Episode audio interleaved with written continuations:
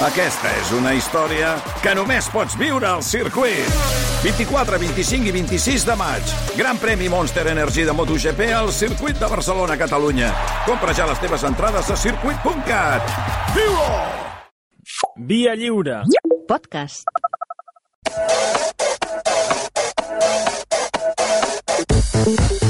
Una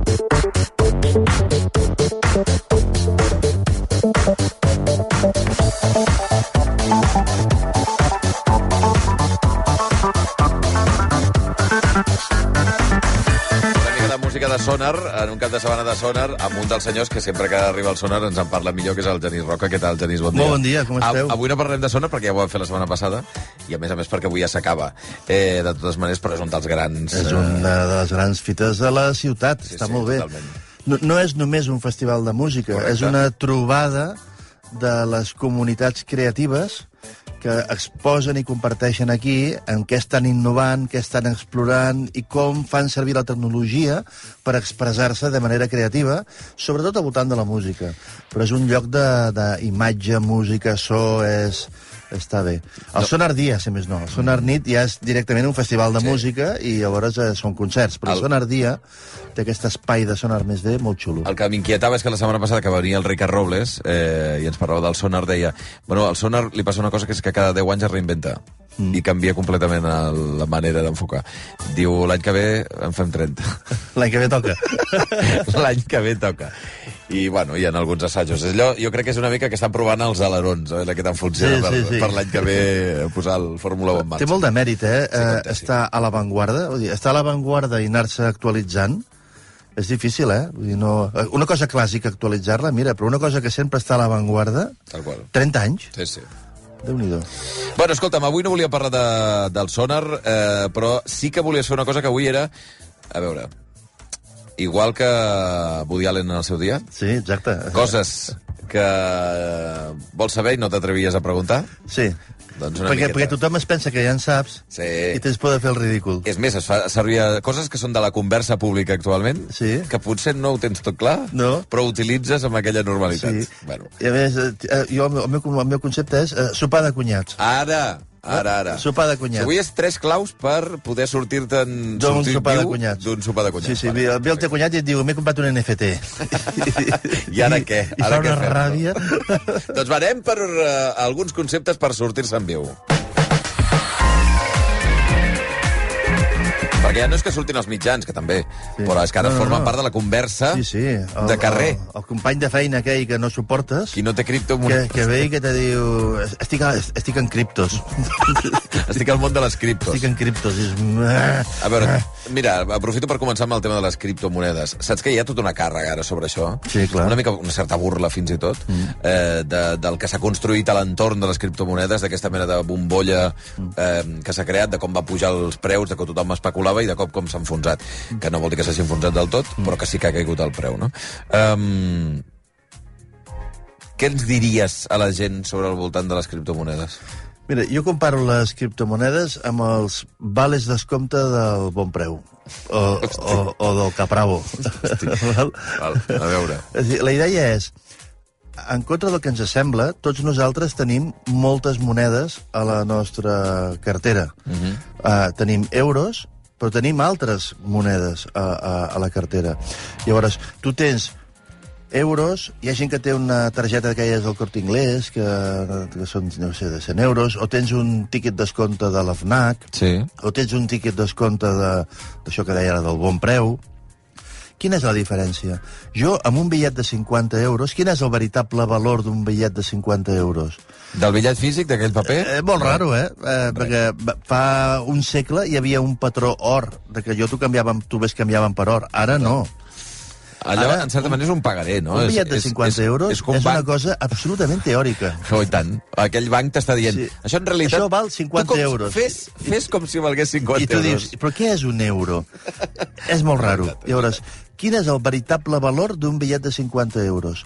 Que me l'accepten a molts llocs. Exactament. El veritable valor d'un bitllet de 50 euros és que jo vaig a la peixateria i dic, vull aquest lluç, i ensenyo el bitllet i em diuen, vale, tracte fet. Puc anar a una sabateria, tracte fet. Puc anar a comprar un cotxe, tracte fet.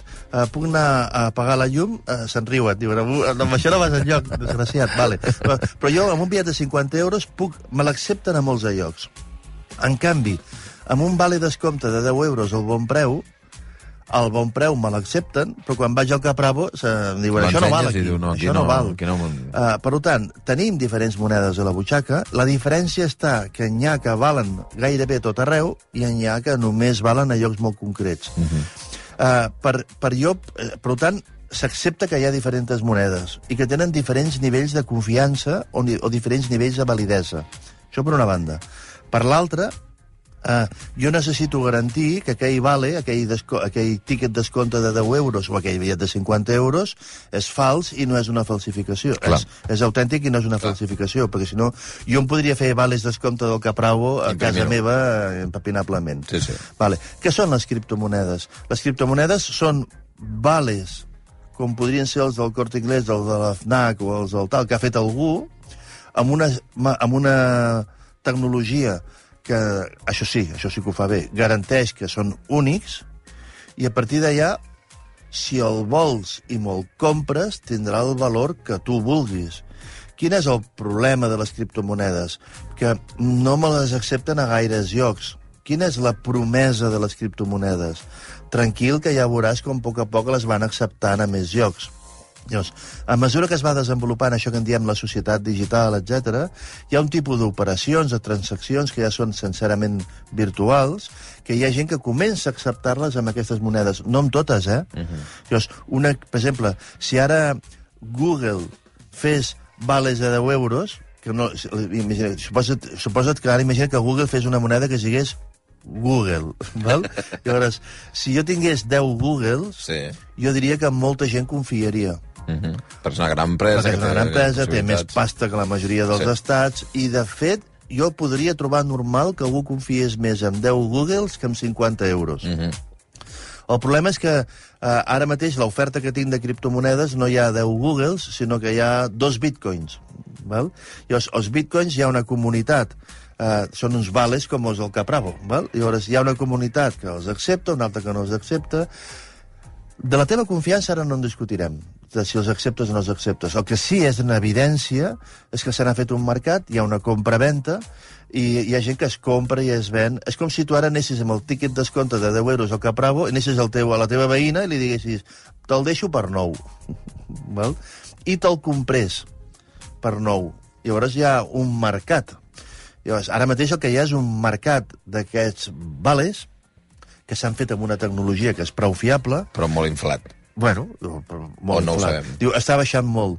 Si el vas comprar al principi, encara guanyes No, molt, encara eh? guanyes, clar, vull dir, clar. sempre depèn de què, però... Però el que vull dir és, eh, contra la, la, la, la, el punt de partida, que és lògic, raonable el que deies tu, tu crees una, una moneda que en algun moment o altre servirà per fer determinades coses.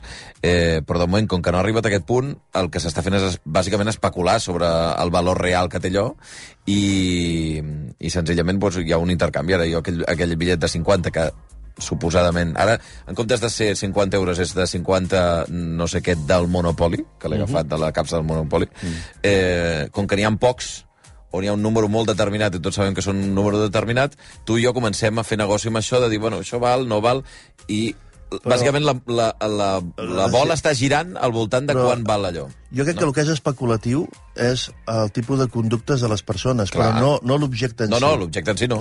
Per exemple, uh, això de les startups, val? Uh, les empreses aquestes... Uh, per exemple, jo, jo sóc uh, soci d'una empresa, Sí. sí. la, la que vaig crear en el seu moment, i uh, portem 15 anys treballant, i treballen 30, 40, 50 persones, paguem les nòmines cada mes, hi ha una llista de clients, Sí. etc.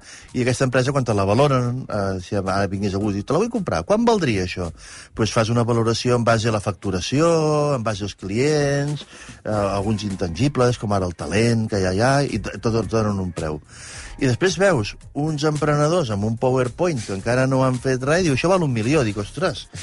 Sí? I nosaltres per què no? no i jo perquè, jo perquè... Com és que tu ja vals un milió si només tens el PowerPoint i encara no has anat ni a... Ni a no has fet res, tio. Mm -hmm. uh, llavors, però hi ha gent que s'ho creu i diu, oh, doncs jo hi vaig. I poso calés, et poso 100.000 euros a canvi del 10%. Clar.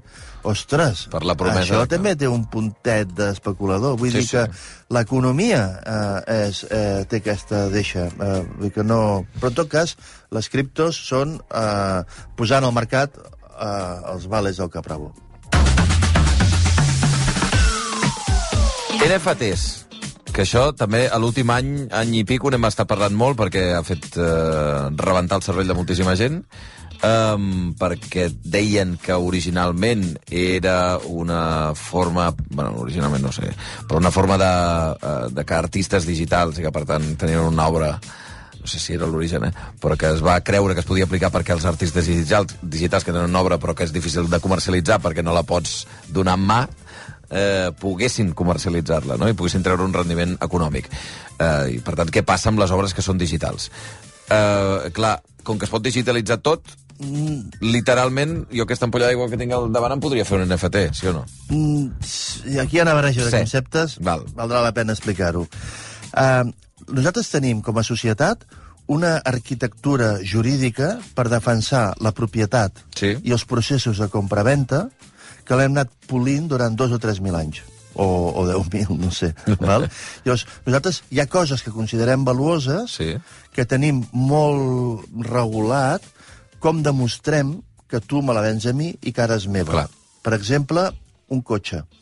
Uh, llavors, uh, els cotxes surten en sèrie de la fàbrica, de la SEAT, surten tots, si semblen molts, són tots iguals, gairebé igual. Ja sé que ara no, eh? Que jo vull seients crema i tu Sí, vols sí, seients sí, verds, sí. però en general... Però podien es- ser que en sortissin 10.000 exactament iguals. surten en cadena. Llavors, el primer que es va fer va ser necessito un sistema per poder identificar cadascun d'ells com un objecte únic. Clar. Llavors els vaig posar un número de vestidor i una matrícula. Perquè encara que semblin iguals, el que, el que la matrícula acaba en 216 és el teu i el que acaba en 217 és el meu. Llavors, un objecte que es pot fabricar en sèrie, jo els, tinc, una, tinc un sistema legal que els numera amb un número únic en el qual confio. Jo confio que el fabricant no ha fet dos seats amb el mateix número de Clar, vestidor. clar. I confio que pel carrer no hi ha dos, dos cotxes amb la mateixa matrícula. Però què vols que et digui? De quina garantia tècnica tens tu de que això... Jo puc anar ara a una botiga, estampar-me una matrícula i clavar-la en el meu cotxe, i llavors tu em diràs, és una matrícula falsa, o falsa, falsa, però hi ha dos cotxes amb la mateixa matrícula anant pel carrer. Però, però en tot cas, tenim un sistema prou fiable, però que no és infal·lible, que em demostra que cada objecte és únic. I després, la llei me diu que hem d'anar al registre a declarar de qui és aquell objecte únic, que se'n diu anar a tràfic. Va? Tu te'n vas a, Sí, tra sí. a tràfic, trànsit, no sé mai com és. Sí, tots diem tràfic i jo diria que és trànsit. és trànsit, vale. Pues te'n vas a trànsit, i a, i a trànsit diu, si, per exemple, la llei ens obliga a deixar clar de qui és el cotxe. Perquè si hi hagués una multa, un accident, un cotxe mal aparcat, volem saber a qui li hem d'anar a demanar explicacions. Total.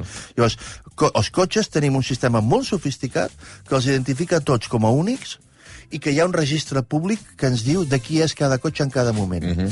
En els pisos fem el mateix. Hi ha el catastre, en el catastre s'especifica on comença i on acaba cada finca i, i com és cada finca o cada tros d'hort enmig d'un camp. Eh, eh, especifica clarament on te comença i acaba una, una, una propietat i després te'n vas al registre de la propietat i, i, i declares de qui és aquella finca, de qui és aquell pis, de qui és aquell pàrquing, de qui és aquell traster. Uh, uh, I això ho tenim. Hi ha altres coses que poden ser igual de cares que sorprenentment no hem aplicat aquesta sofisticació legal. Per exemple, un quadre d'en Picasso. Una litografia d'en Picasso. Una litografia d'en Picasso et diuen aquesta és la 12 de 100. I dius, quina garantia tinc? Diu, no, és que és en Picasso. Dic, i que, que el coneixes, que vau sopar junts, que, que tens confiança tu el Picasso, que, que el vas tractar. Eh, com ho sé jo que no n'ha fet... Això de 12 de 100 no ho ha fet 10 vegades. Eh, eh, com sé que és únic? No, mira, no ho saps, no? però tu te n'en refies. I com puc demostrar que és meu? No hi ha cap registre públic dels quadres de Picasso. Jo ara te'l compro tu. Llavors, quan tu compres un quadre d'en Picasso i tens por que com que no hi ha un registre públic no hi hagi un liu, el que fem és anar al notari. I el notari és, una, és un sistema que tenim nosaltres de que quan el, el, el, el país no té un sistema públic de registre, doncs m'ho registro jo. Llavors, jo te compro un quadre d'en Picasso i anem al notari. Per què anem al notari? Perquè tu dius, mira, noi, eh, per si hi hagués un malentès, que hi hagi una tercera part que dona fe d'això. Mm -hmm. Per tant, la lògica funciona. Necessito identificar com a únic l'objecte, d'escriure'l, de, i després necessito demostrar a registre que això és meu. I si no hi ha registre, vaig a notari, a que algú doni fe. Això ha funcionat tota la vida, però això no és decimonònic, és septomonònic, no sé, és del segle XVII, això. És de quan la gent naixia, vivia i moria en el mateix poble. I llavors tu i jo podíem quedar junts per anar al notari i fer-ho. Però ara hi ha operacions, necessitem fer operacions en les que tu estàs a Sabadell i jo estic a Nova Zelanda sí, i anar sí. al notari és un liu. Clar, clar. Però, però volem fer una compra-vendre. Llavors, no cal que siguin digitals. Per exemple, poden ser eh, tan sols que siguin intangibles.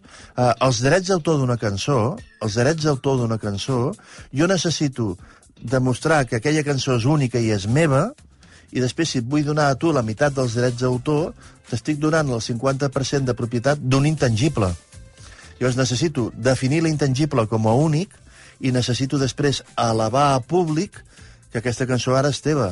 Llavors, ostres, anem a notari. Quin merder anar a notari. Una altra vegada molt notari. Sí, sí. Si el, el compositor de la cançó està a Anglaterra i jo estic... A, a més, als Estats Units no hi ha notaris, funcionen diferent. Això és molt local, nostre. Per tant, necessitem la societat del segle XXI necessita una solució per identificar una cosa concreta, declarar públicament de quina és la propietat i que no sigui presencial, perquè el món s'ha tornat molt volàtil, molt, no sé, molt, molt gran. Val? Llavors, això és el que estem intentant fer amb els blockchains, amb els tokens i amb els NFTs. Llavors, què és un token? Un token és uh, un intent amb tecnologia d'identificar alguna cosa física o no, com a única. És com si, obri... és com si, com si féssim un certificat per escrit. Què és blockchain? Encriptar aquest certificat perquè ningú el pugui modificar. Mm -hmm. Llavors, si ara, per exemple, jo et volgués donar tu els, els drets d'autor d'una cançó que he fet, sí. el que jo faria seria un certificat on declaro que sóc el, el legítim propietari d'aquesta cançó, i si, per exemple, te'n vull donar... Eh, imagina que em, em, em vull donar un 10% a tu, un 10% a un altre, un 10% a un altre. Llavors jo faria 10 certificats amb un 10% cada un d'aquesta cançó, jo tinc els 10 certificats meus, encriptats en blockchain mm, del meu, de la meva, amb la meva contrasenya de blockchain, això vol dir que tots 10 són meus.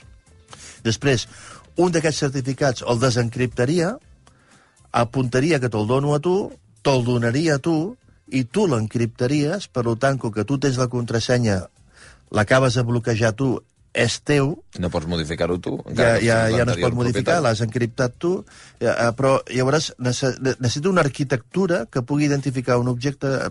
S'ha entès? Sí, jo Val. crec que sí, és, és prou embolicat, és, és prou embolicat eh? però sí que tenim un forat en, en, a l'hora de registrar determinats productes a nivell internacional fàcilment i ràpidament. Fàcilment, no? sense la i, i que la intervenció d'un tercer, que abans era un notari, Clar.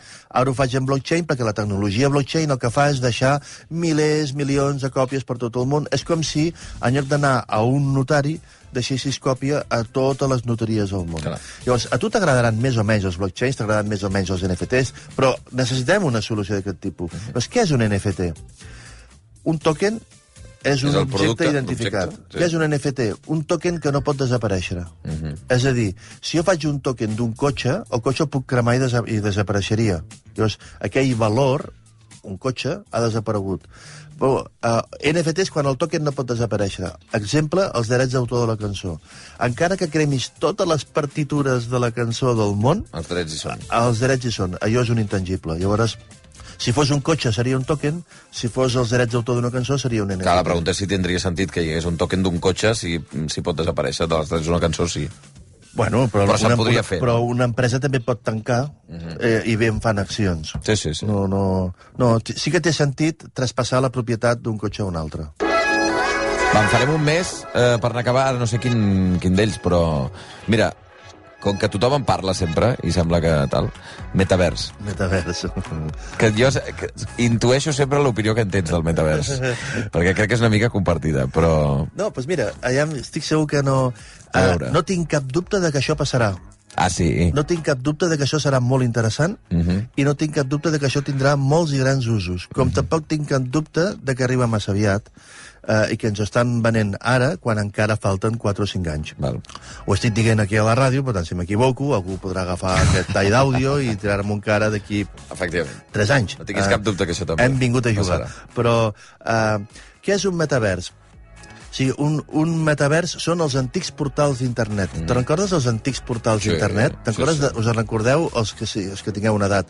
Terra, mm. AOL, eh, Yahoo... Eh, havia uns portals abans d'internet on tu hi anaves i allà hi havia de tot. Eh, després, quan la cosa va evolucionar, la gent, en lloc d'anar a muntar la botigueta en el portal d'al- d'algú altre, varen fer la seva pròpia pàgina web. Doncs ara mateix el metavers és algo semblant. Jo creo un espai virtual on tothom hi pot anar a obrir la seva botigueta, eh, perquè crear aquesta infraestructura ara mateix és una miqueta car, llavors és com si creessis... És com si fessis el Centre Glòries o Sí, l'Illa sí. Diagonal, un centre comercial d'aquests. Jo creo el centre comercial i eh, accepto, accepto que la gent s'hi posi la botigueta a dintre. Uh, a, a canvi us hi cobraré una miqueta. Per tant, és una operació de real estate, és una operació immobiliària. Jo creo un espai virtual uh, que ja me'n cuidaré ben prou de, de generar molta audiència, però això els grans promotors d'aquests espais virtuals són els Facebooks, etc perquè tenen la capacitat, la credibilitat de, de, de, per aquí passarà molta gent i després tu ets el del Zara o ets el de la botiga de Betes i Fils o ets el, el tal Jo vull ser-hi. i jo vull ser-hi, doncs mira, te costarà un tant cada mes estar en el meu centre comercial. El problema és que aquest centre comercial, que, que per altres coses tindrà molt de sentit, és un centre comercial d'aquests que en diuen immersius, uh Mhm. -huh. que tu portes unes ulleres aquelles de, de marciano, llavors mires a mà esquerra i mires a mà dreta, i eh, ja sabeu, eh, aquests Veus que camina rara. de realitat virtual, i això encara és aviat, perquè no tenim eh, extesa la suficient tecnologia perquè això pugui ser realment satisfactori. Mm -hmm. Les nostres xarxes de telecomunicacions no són prou poderoses encara i els nostres ordinadors i telèfons mòbils no són prou poderosos encara perquè jo pugui estar amb aquest espai virtual i ara vull girar a mà esquerra, ara vull girar a mà dreta i que tot em respongui a la velocitat adequada i menys encara si vull interactuar amb tu, que també estàs allà i també estàs girant, ara giro a mà esquerra, ara giro a mà dreta, tu a Riu de Llots i jo a, a Ull de Cona, eh, eh, i que les xarxes de telecomunicacions de Riu de Llots i d'Ull de Cona Clar. i el teu telèfon i les teves ulleres virtuals, tot això vagi prou ràpid com perquè tu i jo puguem interactuar bé en aquest metavers. Llavors, les coses ara són molt primerenques. Eh, però eh, això passarà. Però per què, per què, per què en parlen potser tant quan ara? hagi de passar ja hi ha una altra cosa. En parlen tant ara perquè el de Facebook tenia Home. problemes a borsa amb la valoració de la seva empresa Clar. i llavors li va dir als accionistes però si... Com, com no podeu confiar en mi si jo sóc el que té la clau del futur d'internet? I els hi va explicar-lo del metavers. I per si hi havia algun dubte, va canviar el nom de la companyia, i la companyia ja no es diu Facebook, es diu Meta, per explicar-los que jo sóc lo más en lo que viene. Uh, però jo crec que és una defensa del valor de l'acció i això ha portat a popularitzar un concepte que a hores d'ara no enca tocava. encara era laboratori. Clar. Doncs bé, veurem què és el que passa en els pròxims temps. Ens queden moltes coses per comentar, eh? però Web3, intel·ligència artificial, les xarxes neuronals... Però, Això algun altre dia. El resum seria que si el teu cunyat et diu metavers, eh, Massa aviat. tu li dius, vas massa aviat, vas, vas massa aviat, fes-me cas. Esteu corrent massa i Sí. no, no ha arribat a temps, això. No vulguis córrer... Encara t'estavellaràs, Sí. cunyat. No, perquè ara si gires no gira bé. No, està ben, no, estem preparats no estem, encara. No estem preparats. No estem Amb preparats. 5G no anem enlloc. ha de ser més. És que el 5G, si no tens 5G, com has de... O sigui, el 5G encara és I, insuficient. I amb home, 5G justet. Justet, justet, encara no. Un quart d'hora del migdia. Bueno, Genís, moltíssimes gràcies, com sempre. A vosaltres.